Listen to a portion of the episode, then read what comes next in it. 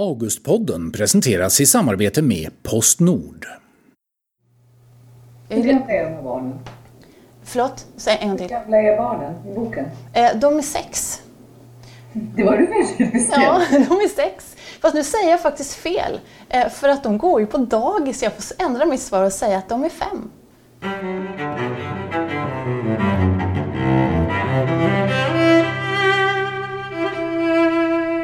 Vi är hemma hos Eva Staff i Hägersten i Stockholm.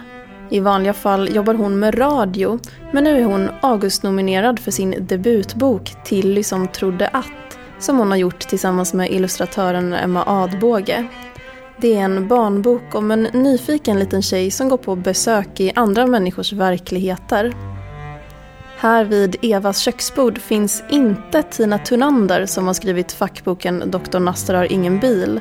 Också den ett besök i andras verkligheter i ett Kairo efter revolutionen. Tina bor nämligen i Malmö där hon jobbar på SVT och eftersom avståndet var för långt och tiden för knapp så får Tina vara med via Skype istället. Därför är ljudet inte lika bra som vanligt men samtalet är desto mer intressant. Innan Eva och Tina ringer upp varandra genom datorn så har vi bett dem skriva brev till varandra och berätta om sina böcker. Vi får ju träffas så här över Skype istället. Du är i Malmö och jag är i Stockholm. Jag hade tyckt om att ha dig här på kaffe, får komma en annan dag. Eh, det här är mitt brev till dig. En gång sa en ny bekantskap till mig att ingen har haft en lycklig barndom. Hon verkade så säker så jag var tvungen att tänka en stund och så sa jag att jo, det har nog jag. Hon tittade på mig och så log hon och sa nej, det har du inte, för det är omöjligt. Efteråt och fortfarande kan jag tänka på det där. För vad är det som avgör vad som är bra eller dåligt? Lycka eller olycka? Allt kan blandas och balanseras, vägas och viktas, personligen. Jag tänker mycket på hur människor kan ha det i sina liv. Vad är det som format dem? Och jag fantiserar mycket om det. Därför skrev jag Tilly som trodde att. I boken så möter Tilly sina kompisars helt olika hemförhållanden. Och när jag skrev så ville jag berätta om att ha det olika är vanligt. Att vi inte kan tro att vi vet exakt hur det är att vara någon annan. Men att vi kan försöka ta reda på det. Tilly får göra det som jag ofta tänker på. Hon får se och möta människors tillvaro med helt nya ögon. Att möta människor med öppen blick och ta in och tänka. Inte alltid med en uppfostrad hjärna, utan med ett pickande hjärta. Jag tyckte det var jättekul att läsa den här boken. Och jag läser periodvis mycket barnböcker, har alltid gjort. Och då tänker jag så här att det, skulle jag också vilja kunna göra. Det måste bli jättesvårt för att det är så olika nivåer, är det inte det? Är det inte det man måste både kunna skriva för vuxna och barn samtidigt? Ja, jag har inte ens, jag, jag, det har inte jag tänkt på faktiskt. Eh, att, att det skulle vara så olika. Eh, jag tänker att det ska låta bra när man läser, när man läser högt. Ja. Att det är liksom det där eh, rytmen att fånga ett litet kortare format på något sätt. Och det kan jag tänka på även i, i eh, om jag läser själv för vuxna eller liksom, ja, vuxenlitteratur. Eh, eller poesi eller så. Att det är ofta det där liksom kortare som fastnar i mig. Så att, eh, när jag har skrivit för barn så har jag nog tänkt att, att det är eh, att det kommer fram bäst. Och det, det, är ett, det är ett språk Men har du jag tycker skrivit om. mycket för barn? Nej, det har jag verkligen inte gjort. Det här är min debutbok. Eh, Det jag har skrivit innan är för eh, radion, för dramatik för barn. Men du Eh. har inte smygskrivit det som är skrivbordslådan? ja, jo, men jag har, skri- jag har smygskrivit jättemycket. Det, skrivbordslådan är, är ganska, om inte full så det finns en del att bläddra i. Men det är inte så, det är verkligen skrivbordslådematerial. Men, men så att det här är att, att, att göra det från, från början till slut liksom på riktigt är helt nytt. Och, eh, eh, så på det sättet så är det ju nu på riktigt. Det först, Annars har det varit så att när jag gör saker så har jag skrivit eh, eh, just och riktat mig för barn eh, via radion. Eh, men just textmässigt också, när man ska se att texten sitter där den sitter sen på sidorna, det är helt nytt. Alltså jag har ju inte testat ändå. Eh, mina barn är stora men faktum är att de ibland kommer, mm. kommer hem och vi läser högt. För vi vet ju hur Petson låter. Ja, ja. alla andra har missuppfattat hur han låter. Och myran låter den här boken, eller hur? Eh, och det, så den här boken ser jag fram emot att läsa för Lola. Vi har döttrar som är vuxen. Så hon kan komma med kritik på hur det låter, om det låter bra eller ej. Men jag känner att det här, det här talar till mig. Så det, jag är tacksam för det. Vad roligt. Jag tänkte på någonting helt annat men ändå inom samma sfär. Nämligen ämnena. För de är väldigt allvarliga dina ämnen. Det är en, mm. Man kan ana att den fattiga familjen fanns, finns där. Att den väldigt olyckliga snedstreck väldigt allvarsamma finns där. Döden finns där. Vad finns det för gränser? Har du funderat på det? Ja, det har jag funderat på och jag svarar för mig själv. För att få fatt i det som kommer upp i mitt huvud så ska det helst inte finnas gränser. Eh, för jag tänker att allt det här är ju i, den verkligheten som, som vi har. Det är den, det vi har att tillgå. Liksom. Och alla barnen har så himla olika eh, vardagsliv och, och, situationer. Och jag tänker att en, en grundtanke i boken är just att inte eh, rygga för, för, för det som är kanske obehagligt eller må hända lite farligt eller sorgesamt eller utsatt eller så. Jag, vet, jag tänker också på hur det slutar, boken slutar mm. med att de, de, de eh, inbjuder en, en man som jag uppfattar som en, en riktigt uh, olycklig människa. Nu sitter jag och bläddrar i boken. Ja. Jag vet inte om du ser? Jo, det ser jag. Mm. uh, ja, det där de... Nu är jag tvungen att se, titta på honom igen och tänka så här, är han vad man brukar kalla för en ytterliggare eller är han en, en, alltså som en, en människa som inte har något hem eller är det en människa som inte klarar av att vara inomhus och vara instängd av andra skäl, kanske har psykiska problem eller behöver liksom mm. någon slags mental luft och då får hon söka den utomhus för de hjälper den här mannen. Och det är på något sätt, det, det är olyckligt men det, det är liksom en rätt så tung ett tungt möte för de här barnen. Det var egentligen det jag skulle säga. Ja, um, det är klart att det är. Um, men det är också en, en um, det är också någonting som jag tror är så pass som de ser som är så pass direkt att det i första hand kanske inte behöver liksom, det behöver inte förbli tungt. Eller så är det så att det är Alltså för frågorna uppstår ju så varför, förstås, varför sitter han där? Eh, precis som du säger, vad, vad, har han någonstans att ta vägen? Och, jag hade ställt de frågorna när jag var barn. Varför är den där farbrorn, varför har inte han något, hemma? Ja, och då måste vi som vuxna svara på det. Mm. Och, och, det tycker jag är en sån poäng att, att göra, att inte liksom gå på Eh, gå förbi eller bara ignorera det. Det har alltid funnits eh, sådana stora frågor oavsett vad, vem som är utsatt och vem man ser. Och jag tänker att det som är så direkt här är att frågan förmodligen uppstår på studs. Det går inte att gå förbi även när man är fem år och inte se. Sen finns det ju andra saker i, i, i, en femårings omgivning som, som kanske är för svårt att sätta fingret på därför att man just inte möter det öga mot öga. Um, men att, att Tilly och hennes eh, dagiskompisar här ser eh, den här killen gång på gång och också tar in honom eh, tycker jag är otroligt viktigt. Och att, och att man också får poängtera det, att ett barn går inte förbi. Utan, och sen så måste vi som vuxna förklara. Eh, och ibland så får man väl helt enkelt fråga. Jag kan säga till mina barn ibland att för jag har fått precis den frågan eh, när vi går förbi någon som sitter på gatan. Och har den inget hus? Och då säger jag att jag vet inte om den personen har ett hus. Du får fråga. Och så får man se om den har det eller inte. Och så får man liksom bara ta det mötet. Att personligen så kan jag tänka att, att bara gå förbi oavsett om man är 5 eller 45 ehm, så ehm, tycker jag att det att bara gå förbi och låtsas som inget är inte ett alternativ.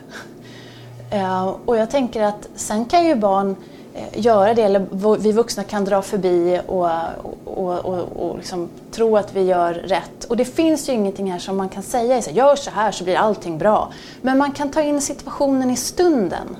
Mm. Så tänker ja, jag nog. Detta, ja. Denna fråga som den blir ju så högaktuell som på mm. någonting säger mig att den är mer aktuell än vad du trodde den var när du skrev boken.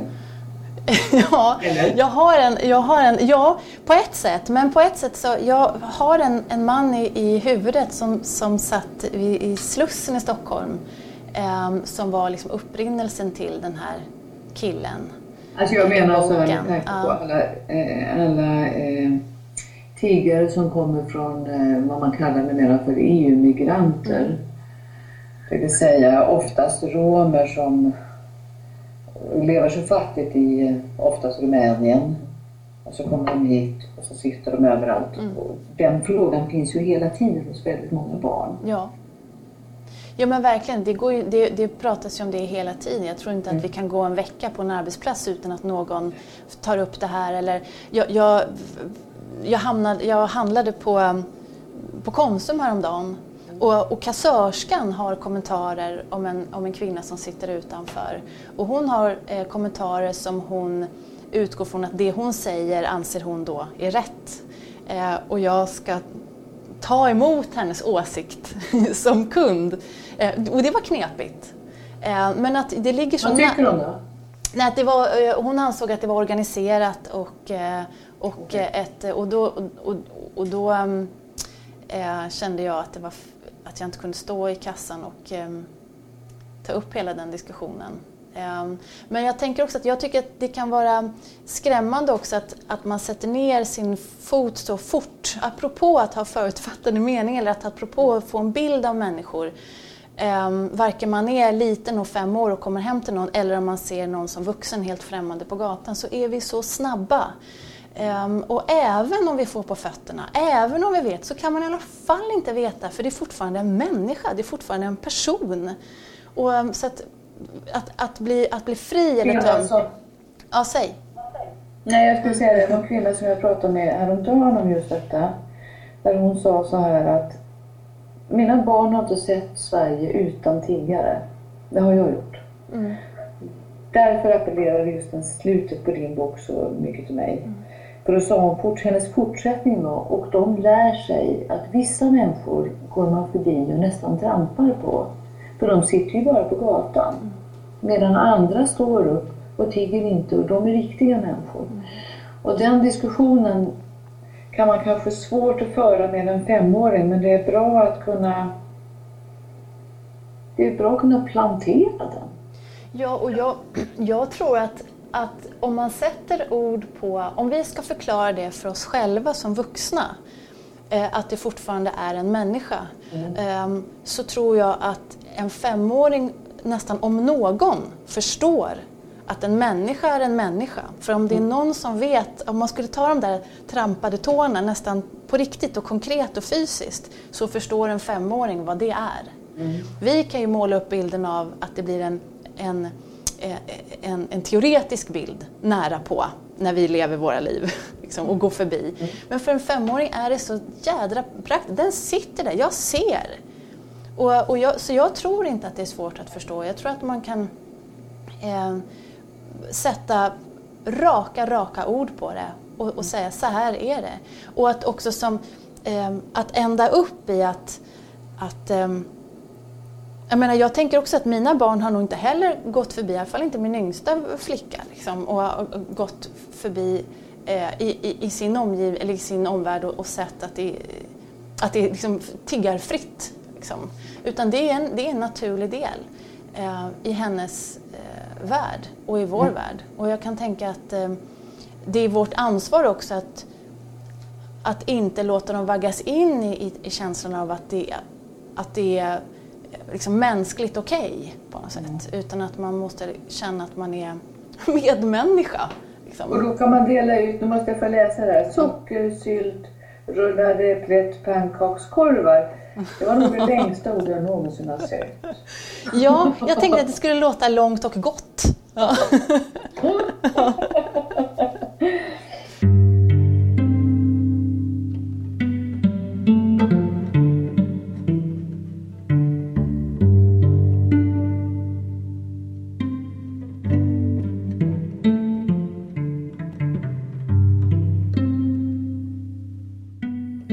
Tjena Eva.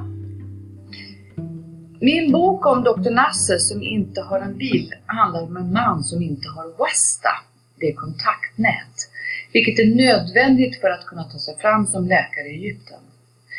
Dr. Nasser kommer från fattiga förhållanden och han är en överlevare, en strävsam överlevare. Och när han kommer till punkten att skaffa sig praktik har han alltså inte de nödvändiga kontakterna och det är därför han hoppas på Muslimska brödraskapet. Egentligen kan man säga handlar min bok om demokrati sedd underifrån. Och demokrati är svårt, något som Dr. Nasser och hans vänner blev varse. Jag har i boken försökt beskriva en del av revolutionen i Egypten som få av oss besökt, vi som kommer från väst.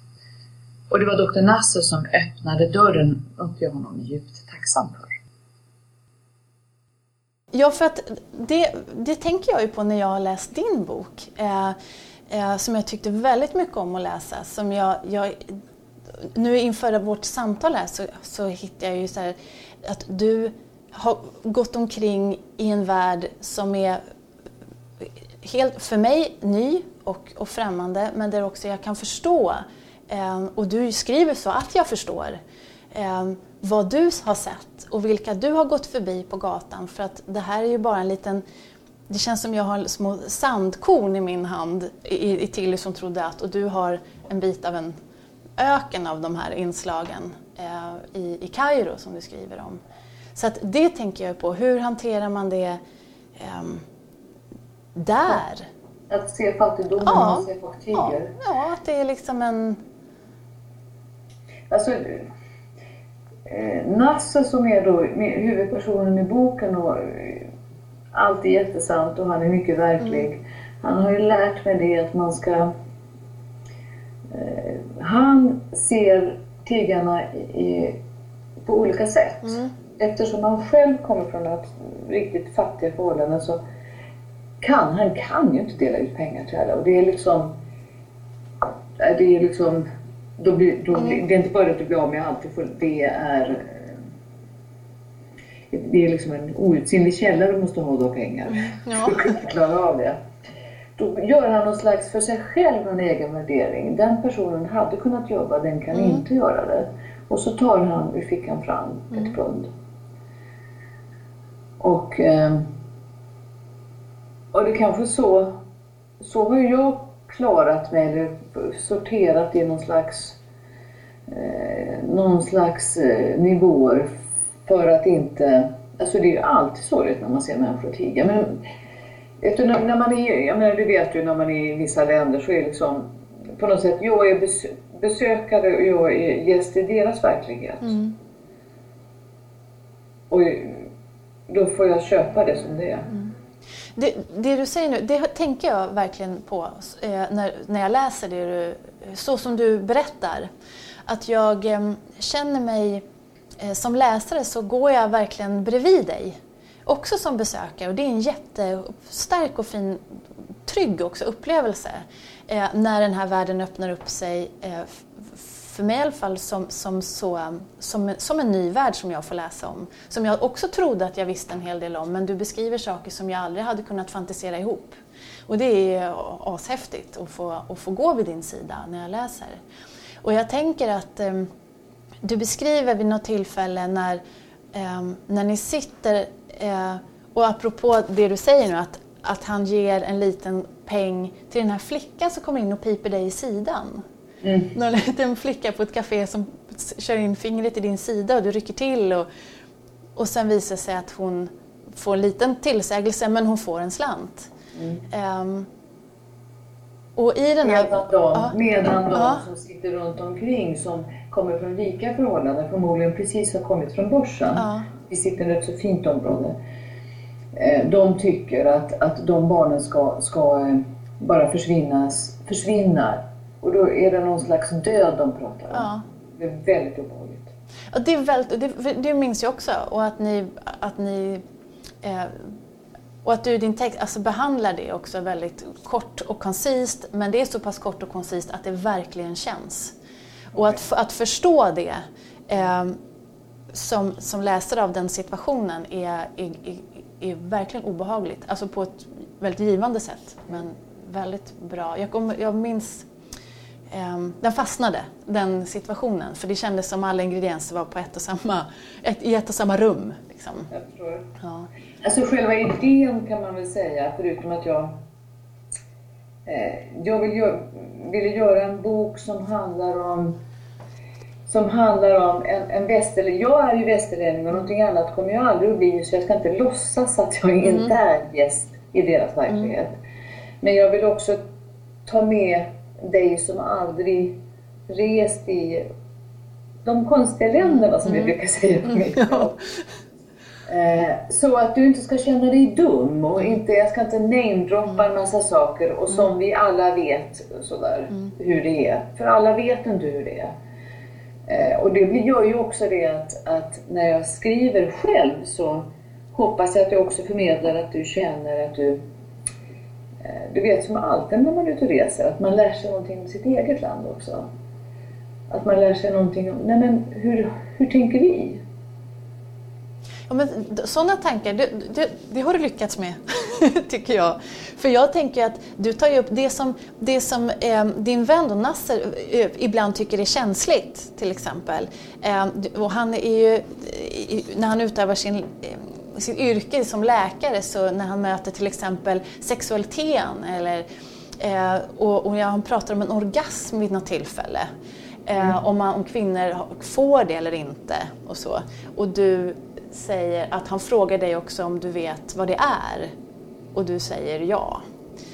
Um, och att han också tar, liksom, utgår från att det kanske är så att du inte förstår. En sån situation kan jag ta med mig och tänka på. Hur, vi tycker att, eller jag tycker snabbt att, ja men gud så vad, vad märkvärdigt att det är så tillbakahållet och, och vad, vad sorgligt att det är så. Men tar man en sån fråga till Sverige så kan jag också tänka, men hur, mycket, hur naturliga är vi egentligen Ja. här också? Så att det, en sån situation, då kan jag färga av den eh, här hemma också faktiskt. Så man kan ty, ty, liksom tänka att det här är det mest naturliga sak i världen. Men hur ofta pratar vi om det? Och, och, och hur skulle vi hantera en sån eh, enkel egentligen eh, situation här? Men nu, den frågan innehåller ju, eller den biten i boken innehåller ju en viktig dimension till och det är det att väldigt många kvinnor inte vet vad orgasm är. Helt enkelt för att de är, är könsstympade. Så att hans fråga är, är relevant Ja. även så att säga i ett, i ett svenskt Ja. sammanhang. Ja. Jag tänker på sådana saker som eh, demokrati Mm. eh, som på något sätt bygger på att vi betalar skatt. Mm. För att vi måste, vissa kostnader måste vi fördela. Vi behöver en polis, alltså man brukar ju prata om nattväktarstaten. Allt det yttras den inne i boken. Men, men, men när jag säger till, till eh, de människorna, om du kommer ihåg det, de sitter på Dr. Hans kompisar sitter på en krog, eller sitter på ett café och så sitter vi och pratar och sen så ska de vända sig till mig som varande expert på demokrati eftersom de egentligen inte riktigt vet vad det är för någonting. Eh, Och då så säger jag skatt. Ja, Och det visar sig att ingen av dem betalar skatt. just det. Och de Alla- rabblar upp var, var, vilken orsak de har, eller vilken anledning att inte göra det. Ja men de, har ju, de tjänar så otroligt lite pengar. Och varför ska jag betala skatt när de rika inte betalar? Och de mellanrika betalar ju inte heller. Åtminstone måste jag kunna komma upp i nivån att, att ha en bil. Då kanske jag kan börja fundera på saken. Så att... ehm, och det är faktiskt, jag har inte tänkt på det riktigt innan så tydligt. Att det finns några sådana här bassaker i som vi lär oss när vi är små. Om vad demokrati är. Som de aldrig har lärt sig. Till exempel eh, elevrådet. Eller man i första klass så ska man bestämma om vi ska gå ut på rasten eller få vara inne idag. Och då ska alla barnen rösta, eller hur? Och så är det några barn som inte vill, men då får de finna sig i majoritetens beslut vad det nu blir. det finns inte. Nej. Och jag tänker att här... Vi, vi tänker. Mm. Här är det så, blir det så givet att man nästan inte tänker att det ens... Alltså, att vi ens benämner som demokrati utan som en, det är så självklart att vi i första klass som du säger ska, ska väga och fråga och, och, och liksom lyssna efter. Men hur, när, du sitter i, när, du, när du satt och sitter i en sån situation, alltså, nu beskriver du fantastiskt fint i boken och, och man får väldigt bra känsla för detta. Men, men det här är någonting som jag som läser så går jag in i det och kan liksom förstå situationen och tänka på den, speciellt i efterhand. Liksom. Men när du är där och, och, har det här hela tiden, hela tiden måste du ju möta de här situationerna dag, dagligen. Liksom. Och i deras eh, i, i, ert, ert möte med varandra. Liksom. Hur, får du inte lust att bara så här det gör, får, får, får, inte lust, vad får du lust att göra? Liksom? Kan du, liksom, det är så här, ja, gör bara så här så blir det bra. Ja, men brukar jag säga så här, jag önskar du kunde lära dig arabiska ordentligt så inte behöver på med konstiga språk så vi kan bara snacka på riktigt. Ja. men jag tycker att vi får ut rätt mycket av varandra ändå kan jag säga. Ja, men uppenbarligen. Han saker han vill säga och jag har ju naturligtvis ja. mer saker som jag också vill säga. Eh, men jag tror genom att jag inte lever i den världen alltid så ser jag de små detaljerna som, ja. som spelar roll. Ja. Och då, därför orkar man ett visst antal månader, sen orkar man inte mera. För det handlar om att öppna ögonen på vid gavel. Ja. Och sen så, jag menar, när jag har varit där så har jag suttit på nätterna och skrivit upp allting som hänt under mm, dagen ja, i stort sett.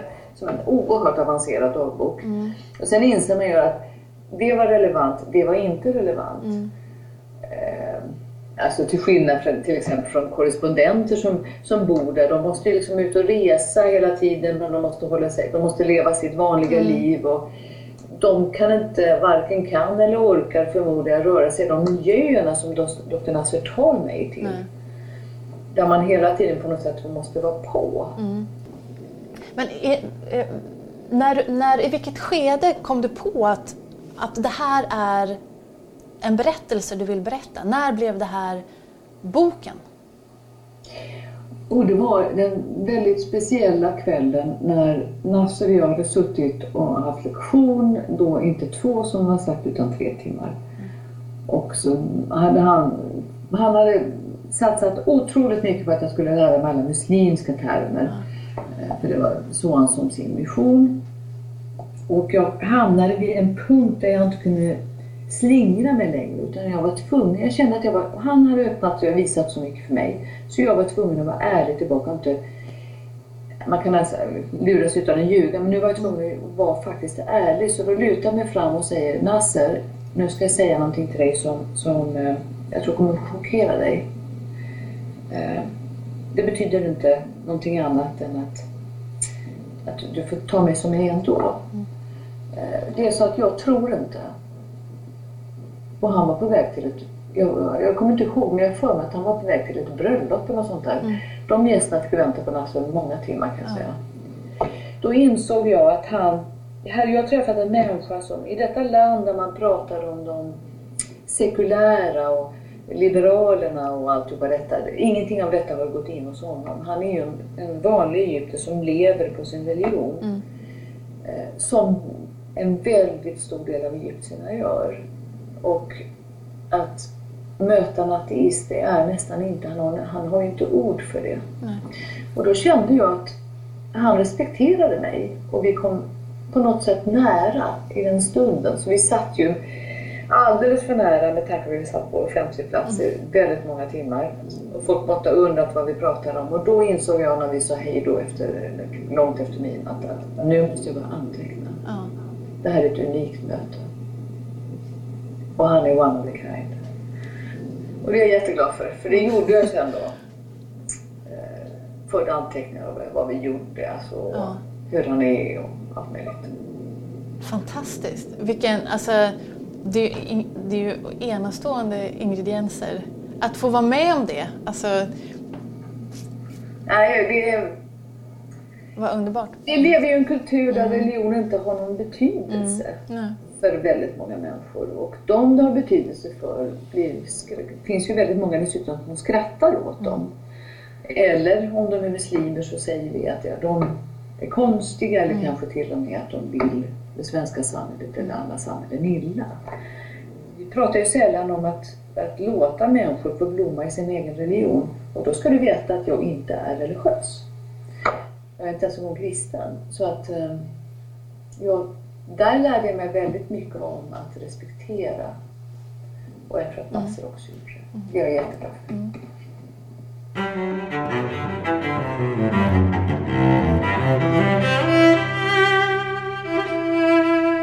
Augustpodden produceras av Fascinera för Svenska Förläggareföreningen. Producenter är Inga Ramsten och Lisa Mattsson. Augustpriset presenteras i samarbete med Postnord.